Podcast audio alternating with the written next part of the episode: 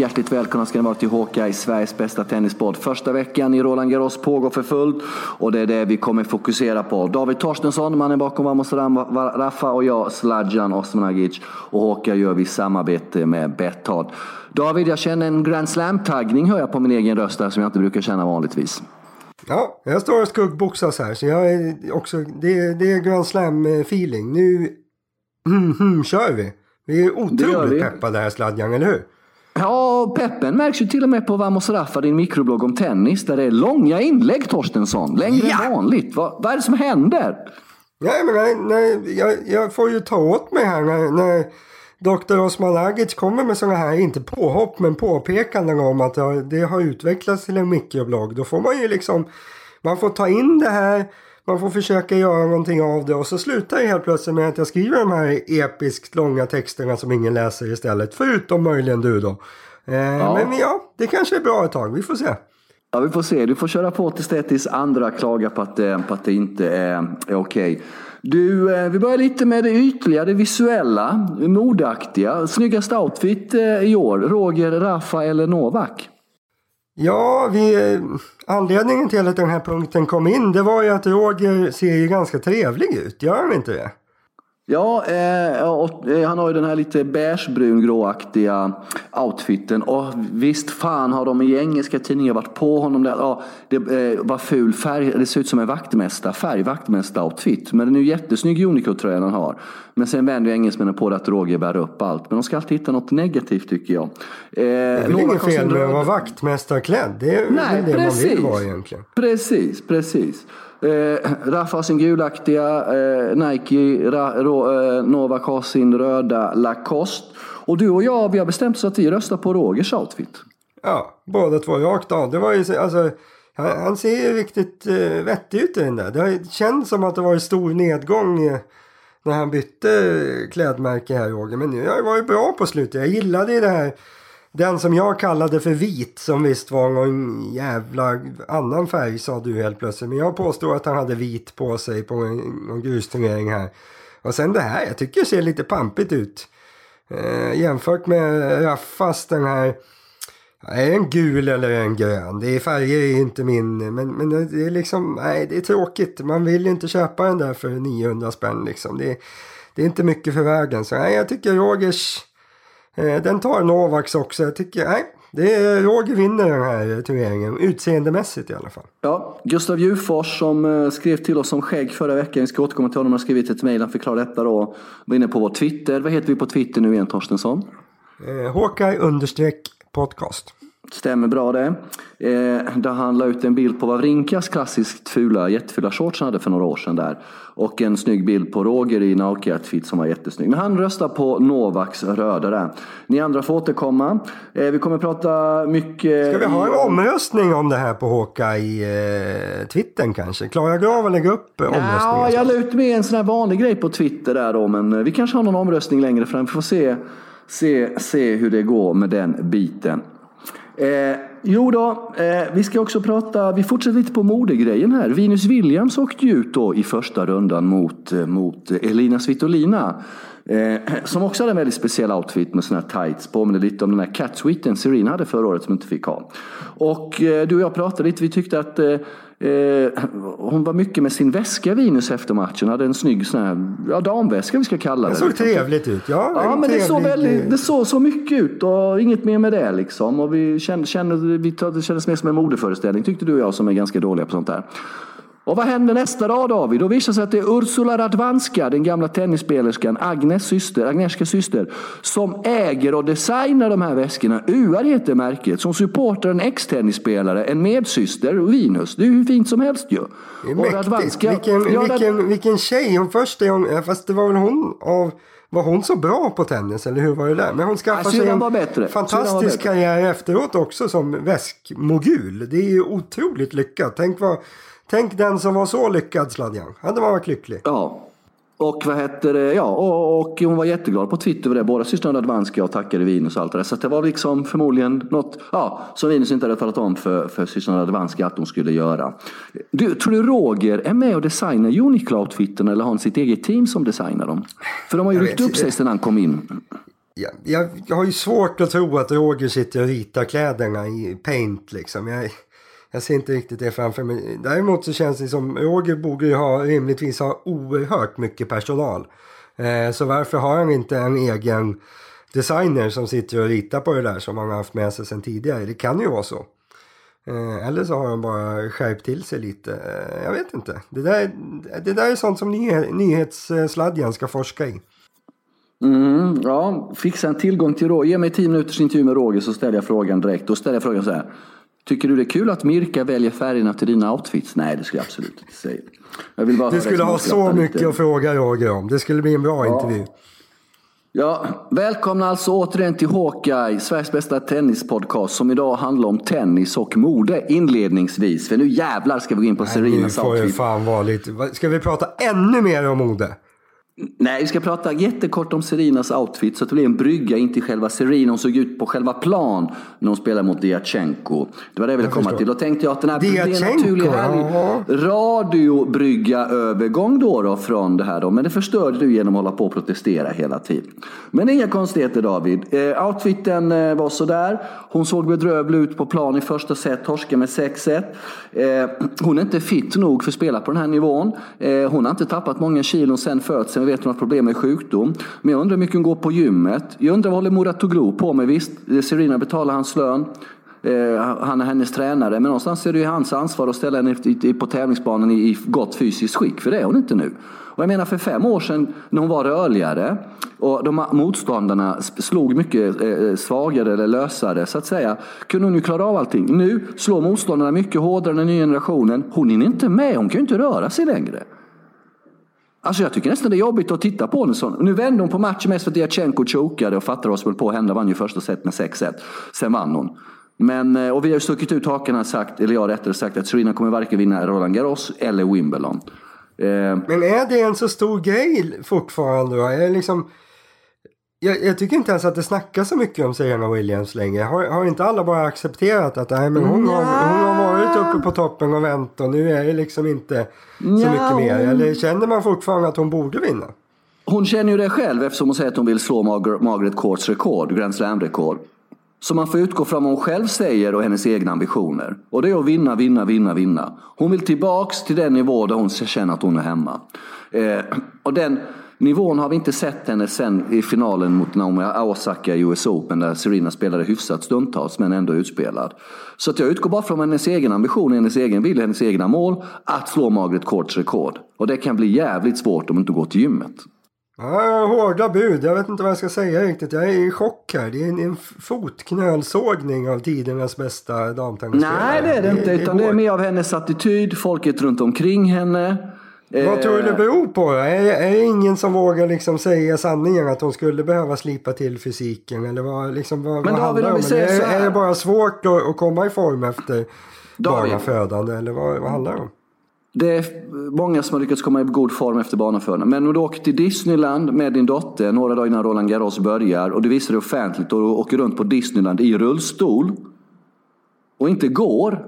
Då kanske det är bättre att du stannar hemma med ungen då eller skickar någon nanny till Disneyland med ungen än att visa det i rullstol.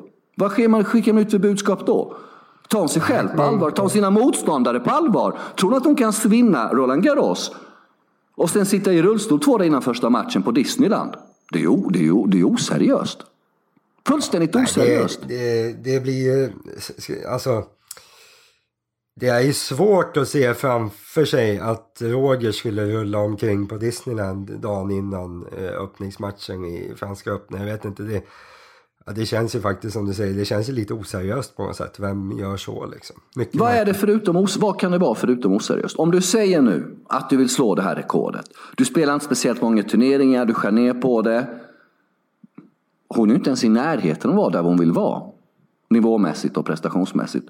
Och jag som har följt henne så oerhört länge tycker det är jobbigt att titta på henne nu.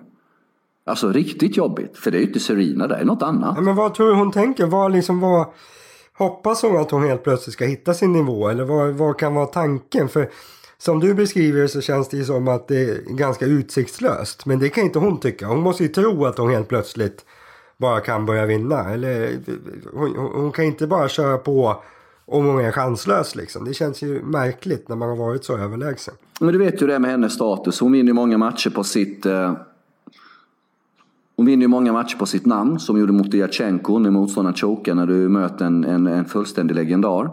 Eh, hon kanske underskattar sina motståndare också. Hon kanske är naiv. Du vet, jag vet inte hur det är hos Serena Williams, men liksom förr i tiden jag jobbade med, med, med musik och sånt. Eh, när jag var bandbokare på Scenkväll med Lok så hade vi många världsstjärnor där och de har ju alltid ett team av ja-sägare runt omkring sig på 10-15 personer. Jag vet inte hur Serenas situation är om hon har massa ja-sägare runt omkring sig. Du vet ju själv hur debatten gick när hon gjorde bort sig fullständigt efter US Open-finalen i september. Jag menar herregud, det var ju allas fel utom hennes enligt, hennes, enligt henne själv och folket runt omkring henne. Hennes man lägger ut konstiga saker på Twitter, lägger ut klipp på när Roger skäller på domarna och säger “She's not the only one” och sånt där. Det är ju löjeväckande.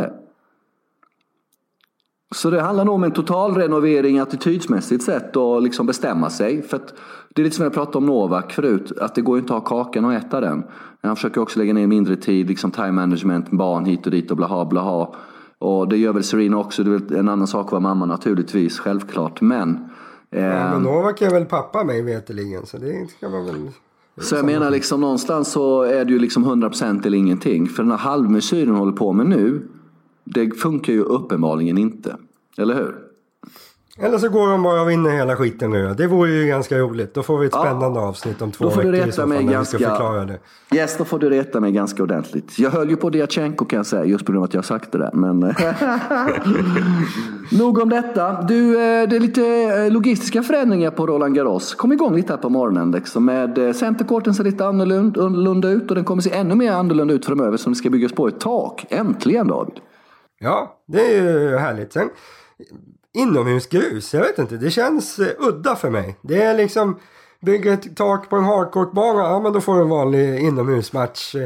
Bygga ett tak på gräs, ja det känns ju jävligt naturligt. Gräs är ganska känsligt för, för fukt och grejer på eh, när man spelar tennisspö. Ja, så är det ju rimligt. Men jag vet inte, det är, jag har nått någon slags motstånd ändå till att jag känner någonstans att det kanske inte behövs tak på just Eh, just i Franska öppna. Men sen har vi ju den här lilla detaljen med elljus som då kommer till också när de bygger tak. Och det känns ju ganska rimligt. Det har ju redan varit flera matcher som de kunde ha spelat klart egentligen den här veckan. Men som de har fått byta på grund av mörker. Och det, det känns ju riktigt knäppt. Som Edmund Chardy här om de 5-5 i avgörande set behöver brytas för att de inte har lampor som kostar liksom ingenting för dem att bara sätta upp. Kommer tillbaka dagen efter, Chardy är typ ouppvärmd. Gör fem sex missar och så har Edmund bara vunnit matchen. Tog liksom 10 minuter dag två, en match som dag ett hade tagit tre och en halv timme. Och var helt jämn, den avslutas liksom på helt fel sätt. Men det är väl bra att de eh, drar på lite fransosen. Och det var ju, ja, de rev ju alla läktare på Centercourten och byggde nya helt enkelt. Det är ju driftigt på bara ett år. Snabba ryck. Mm. Ja, det här med elljuset är ju en, en separat historia vi spar på nu, för jag orkar inte bli irriterad för det är så, ja, det är så vansinnigt irriterande. De har ju en ny bana också. Simon Mathieu, kapacitet 5000. Det är väl som den tredje största banan nu då. Eh, väldigt snygg bana måste jag säga, väldigt snyggt med läktarna och ligger då lite utanför Roland Garros i den här botaniska trädgården och är liksom nedgrävt centerkorten 3-4 meter under marknivån då. Så att den ser inte så mäktig ut när du står utanför men eh, väldigt tung när du kom in så att säga. Va? Eh, den banan gillar vi, eller hur? Ja, verkligen. Den ser inbjudande ut. Man vill liksom... Ja, man vill sitta och titta. Man vill, man vill vara där. Jag tycker den ser jäkla trevlig ut. Sen låter det ju spännande det där med att gräva ner den och grejer. Och så något spännande kring namnet också va? Ja, ja, Simone Mathieu, eh, jätteduktig fransk tennisspelerska eh, på 30-40-talet. Eh, var med i andra världskriget och sprang på Charles de Gaulle eh, på någon av de här kanalöarna tror jag där mellan England och Frankrike. Och då fick hon i uppdrag att bilda en, en, en helkvinnlig eh, fransk styrka första gången i franska arméns historia. Och hon hängde då med Charles de Gaulle när han var i exil då, i Alger. I Algeriet då den här Vichy-regeringen, Vichy-regimen, tyskarnas eh, handplockade fransmän som satt och styrde under andra världskriget. Och eh, kom tillbaka sen och gjorde inget stort fazz av hennes insatser under andra världskriget för Frankrike. Men det är ju det man älskar med fransoserna, de här storiesarna David. Det är ju gött det här. Alltså, det, det, det ska vara på något sätt. Ja, nej, det, det, är ganska få svenska tennisarenor som är döpta efter gamla krigshjältar liksom. Så det, det känns för, i vår väg blir det ju lite speciellt. Men det var en jäkla spännande grej det där. Enda kvinnliga befälhavaren och allt vad eller vad fan man heter. Men nej, det, det, var, det var en spännande historia det där. Känns väl som ett bra val eh, av namn. Och fin arena och allting. Det, där är, det är väl bra, bra att de spottar upp sig. Eh, bygger, bygger nytt, renoverar de här områdena. Eh, det som fascinerar mig också det är att det, de här Grand Slam-arrangörerna, de har ju alltså, det är helt obegränsat med pengar de har. De kan göra precis vad som helst. Det är väldigt få sport, eh, alltså alla andra idrotter, om det är lag eller förbund eller vad det än är, de måste ju tänka på pengar. Men alltså tennisens Grand Slam-arrangörer, eh, de kan bara skita i allt. De bara kör för de tjänar så fruktansvärt mycket pengar. Eh, det, alltså, alla har ju byggt massor på senare år och det känns som det påverkar dem inte överhuvudtaget. Så, ja, man skulle ägt en Grand Slam hade man eh, mått rätt bra. Mm, kommer till exempel tak på bana 1 på Wimbledon i år. Nyhet till exempel. Ja, det är redan klart va? De hade ja. invigning av det. Yes. yes, så det blir ju bra det. För där kan det ju regna på rätt bra. Strax ska vi prata om Mikael Ymer och dagens match mot Zverev. Det är ju torsdag, du har bloggat om det David också. Vi återgår till Gustav Djurfors och det här med skäggen vi tog upp förra veckan. Vad skrev han i sitt mejl när vi bad honom utveckla det här med att vara så lite skägg i tennisen? Per vann ju igår förresten, lång femsetare mot Hubert. Skägg, Per. Mäktigt skägg. Bra Mäktigt skägg. Otroligt tätt skägg ja, eh, Per. Ja. Det är sånt där man bara vill gosa in sig i. 10-8 i femte set alltså. Starkt. Ja, var det inte mer? Var det bara 10-8? Det var det 11-9 kanske. Ja. ja. jag vet inte. Jämnt var det. Bra Vad skriver Gustav då? Eh, Gustav har en teori. Här, här skriver han. Jag, jag läser. Nu yes. ska vi lyssna på min fantastiska högläsning. Eh, min teori är att tennis är för lite arbetarklass. Tompa som precis jobbar klart på buket och tar sin mosbricka med två grillade på vägen låter sitt skägg växa vilt men han, eh, men han tittar på hockey eller fotboll. Karl däremot som älskar Rolex och tennis uppskattar en renrakad aristokrat som sig själv. Eh, tycker det finns en gyllene chans här för någon att odla ett rejält skägg och försöka fånga uppmärksamheten av dessa tompor där ute och öppna deras ögon för tennisen. Eh, man såg ju hur populär Gessi var när han körde sina enorma frillor och löpartights i neon på mitten av 90-talet. Dags för en skäggig revolution kanske. Eh, så han tänker egentligen då att sättet att sprida tennisen utanför överklass som han ser det, liksom, att man, om man ska sprida det till andra samhällsgrupper. Då är det skägget som är nyckeln. Är det, vad säger vi om det? Är en rimlig tanke? Det kan vara, säg skägget i kombination med det som Judy Murray pratar mycket om i Storbritannien. Eh, public courts, alltså allmänna banor då, gratisbanor. Det är kanske är det som är kombon då. Liksom dels eh, Är de gratis då om man har skägg? Att du måste ha skägg. Om du inte har skägg då får du betala. För då är du redan en tennismänniska. Då får du liksom hitta de här vanliga tennisbanorna. Eller om du har Skäggbanor. Ja, men om du har skägg kanske du får betalt för att gå och spela på de här banorna till och med. Snacka om, snacka om win-win, Torstensson. Nu tänder du till här. Det där lät spännande Oj. tyckte du. Ja, varför ja. inte? Han har skickat med lite skäggbilder. Jag tror vi la upp dem här. Han har skickat, vi har lagt upp dem på Twitter på Rafa en, en och Roger. På, och... Och det, ja, det mest fascinerande det var ju då otroligt faktiskt att ja. Nadal i skägg blir ja. Fognini. Ja. Det är så här otroligt mindfuckande. Du, du skrev det på Twitter och jag såg det exakt samtidigt. Att det är liksom ja. på... Det är Nadal och så har han satt ja. på ett ganska stort skägg. Och plötsligt ser han ut exakt som Fognini. Ja, det är helt mycket, otroligt. Mycket, mycket märkligt. Ja, mycket, mycket märkligt. och vi tackar Gustav för att han la upp det och ni andra får jättegärna göra det om ni vill. Vi finns också på Instagram och prenumerera på podden. Ja, vi tar en lyssnarfråga till innan vi går in på Mikael Ymer. Det är då eh, eh, eh, Fredrik som skriver så här. Tjenare boys! Tjena Fredrik! Först vill jag börja med att han vill tacka oss för en ljuvlig podd. Riktigt skön tugg har ni. Tack så mycket för det Fredrik, det uppskattar vi. Sen gillar vi att jobba med varandra David. Vi har väldigt kul tillsammans. Eh, mycket han, mysigt. Ja, hade ett ämne som jag tycker vore intressant att höra era åsikter om, nämligen spelarnas tränare. Muratoglu såg vi ganska ordentligt här nyss ju. Eh, eh, eh, vilken av toppspelarna har bäst tränare? Vilken har sämst? Vilken av de svenska tränarna tycker ni är vassast? Personligen tycker Magnus Norman är helt överlägsen Smiley. Ja, det måste man nästan säga i dagsläget. Att det Magnus gjorde med Wawrinka är ju svårt att ta ifrån, eller hur? Ja, det ska man ju säga. Det var, jag tror vi har pratat om det förut. Yes. Just när man lyckas, när man kan härröra en, en ordentlig höjning. att Wawrinka var liksom en spelare i mängden. Han var 20-30 i vägen som bäst. Mm. Eh, sen kom Magnus Norman in och det gick inte att koppla Wawrinkas höjning till någonting annat än att just att Norman kom in. Eh, och Norman har ju gjort eh, liknande med Söderling innan. Så han har ju verkligen tagit två, inte medelmåttor, men två liksom mängdspelare på ATP-touren till att bli världsstjärnor.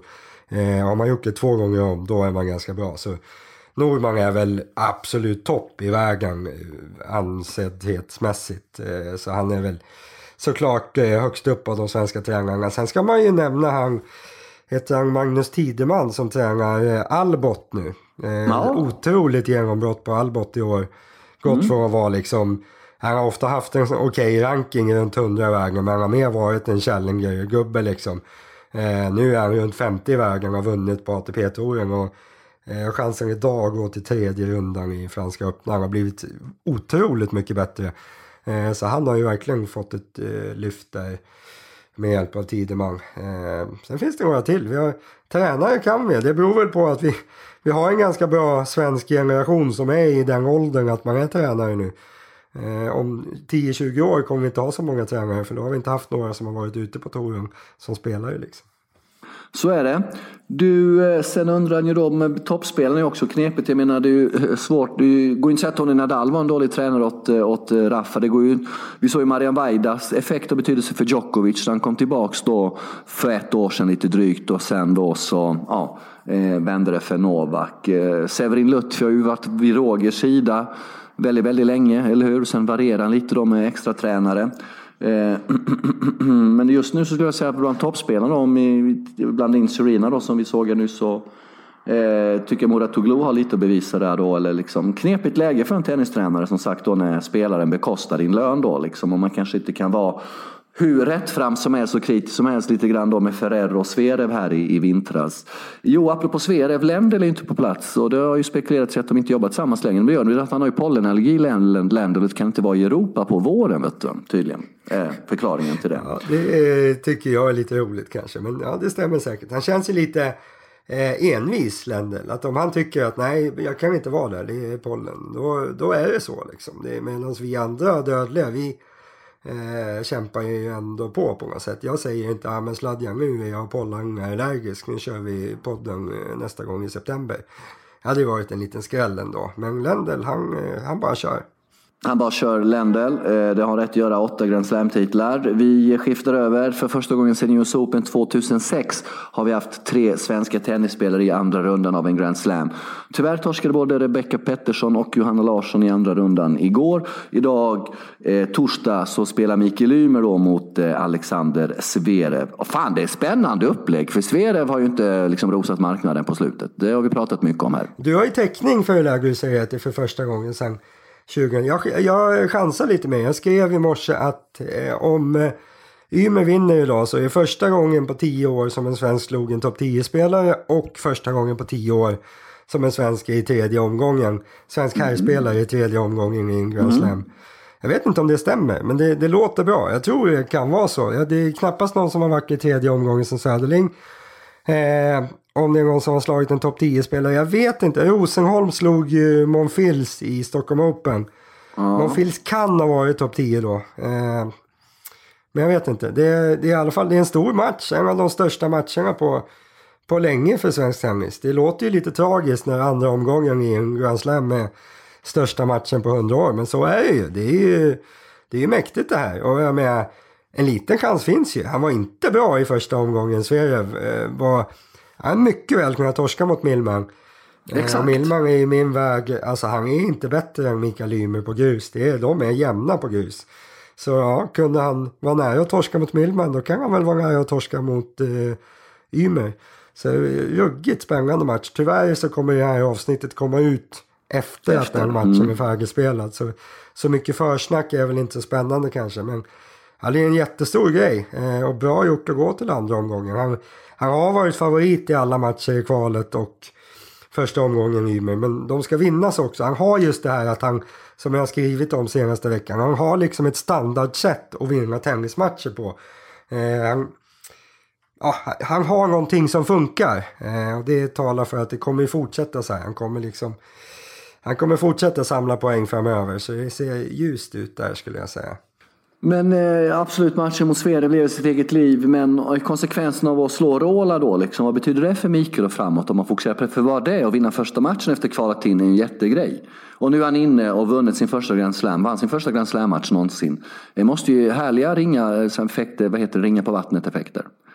Ja, alltså jag vet inte, jag, jag tror egentligen inte det. Alltså det.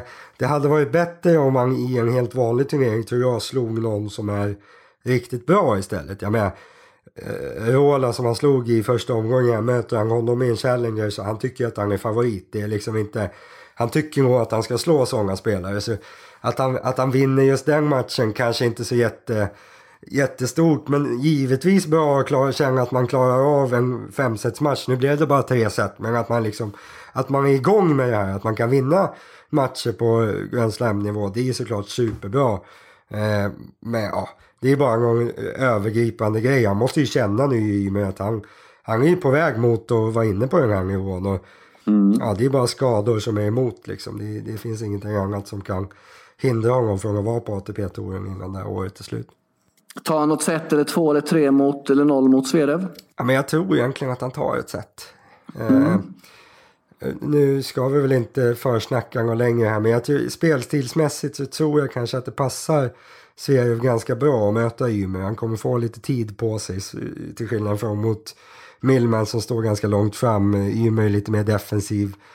Eh, Zverev kommer kunna stå och nöta på ganska bra utan att få någon press på sig så han borde kunna göra en okej okay match. Men Ymer brukar ta ett set. Det brukar, han brukar ha någon bra period under matchen. Så här, jag säger 3-1 till Zverev då säger jag.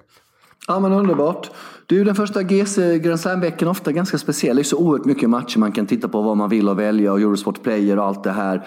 Det känns som att den pågår för evigt, turneringen första veckan. Men sen ja. kommer andra veckan och så är det bara aj, nu tog det slut. Lite jobbig känsla men underbar samtidigt. Ja, och sen andra veckan är ju underbar på sitt sätt också. Om nu de bra spelarna klarar första veckan. Mm. Eh, nu känns det lite så som att de kommer.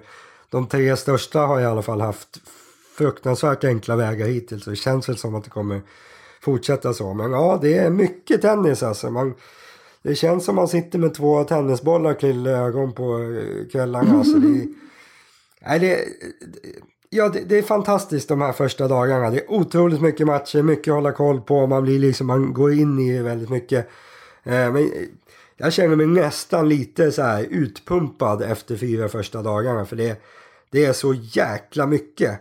Eh, nu när vi börjar nå tredje omgången då blir det, då blir det med att alltså, det går att följa alla matcher på ett sätt. Som igår till exempel. Jag hade tänkt att ja, jag ska se Mahut-matchen. För var, jag tyckte det var så otroligt coolt. Hans första mm. vinst i turneringen. Så nu måste jag se honom idag. Men jag missade ju den. Jag satt ju och tittade på annat. Jag hade inte full koll på, på livescoren. Och sen på bara ja. någon dryg timme så han superskrällt och slagit ut Cole till typ 100 gånger pengarna, 63, 63, 63. Mm. 100, men det var närmare 10 gånger pengarna. Jätteskräll liksom. Det här hade man ju velat se. Men man missar det för att det är så sjukt mycket andra matcher. Så, ja, det är lite både och. Det är fantastiskt, eh, men man skulle inte klara det här jämt. Det, då hade man blivit utbränd sladden.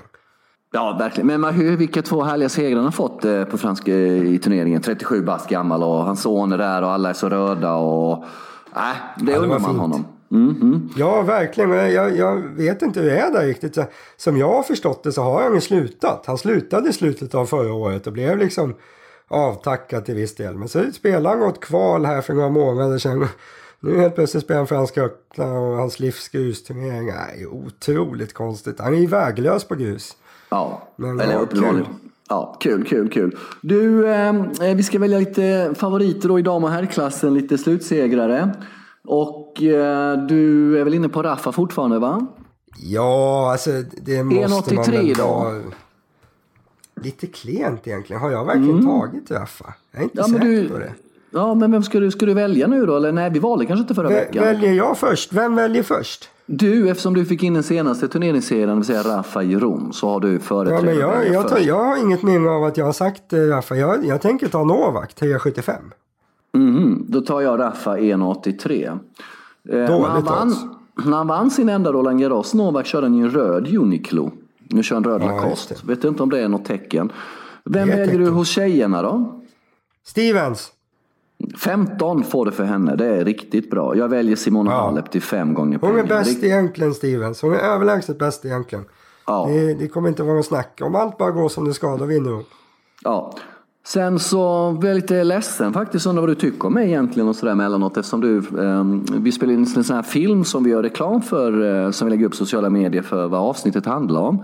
Och då satt jag på mitt kontor och då eh, liksom undrade du vad det var för bakgrund där, om det var någon krigsplanering, för att det var en massa orter Ja uppskrivna där. Då tycker jag bara lite sådär att du liksom alltid utgår från det värsta och det sämsta om mig. Det, tycker jag, det är det många andra som gör också hemma i Sverige har märkt. Men det, det är något dåligt att antyda att du håller på med någon slags statskupp. Det är väl snarare ett sätt att beskriva dig som en väldigt driftig man som är beredd att liksom ta ansvar för saker och ting. Det, det, det är kanske inte så du ser det. Nej, du skulle kunna fråga var, varför, varför de är uppsatta in the first place så du kan få en förklaring. Istället för att utgå från att det är någon form av, som du säger, jag har inte ens gjort lumpen, jag är superpacifist liksom.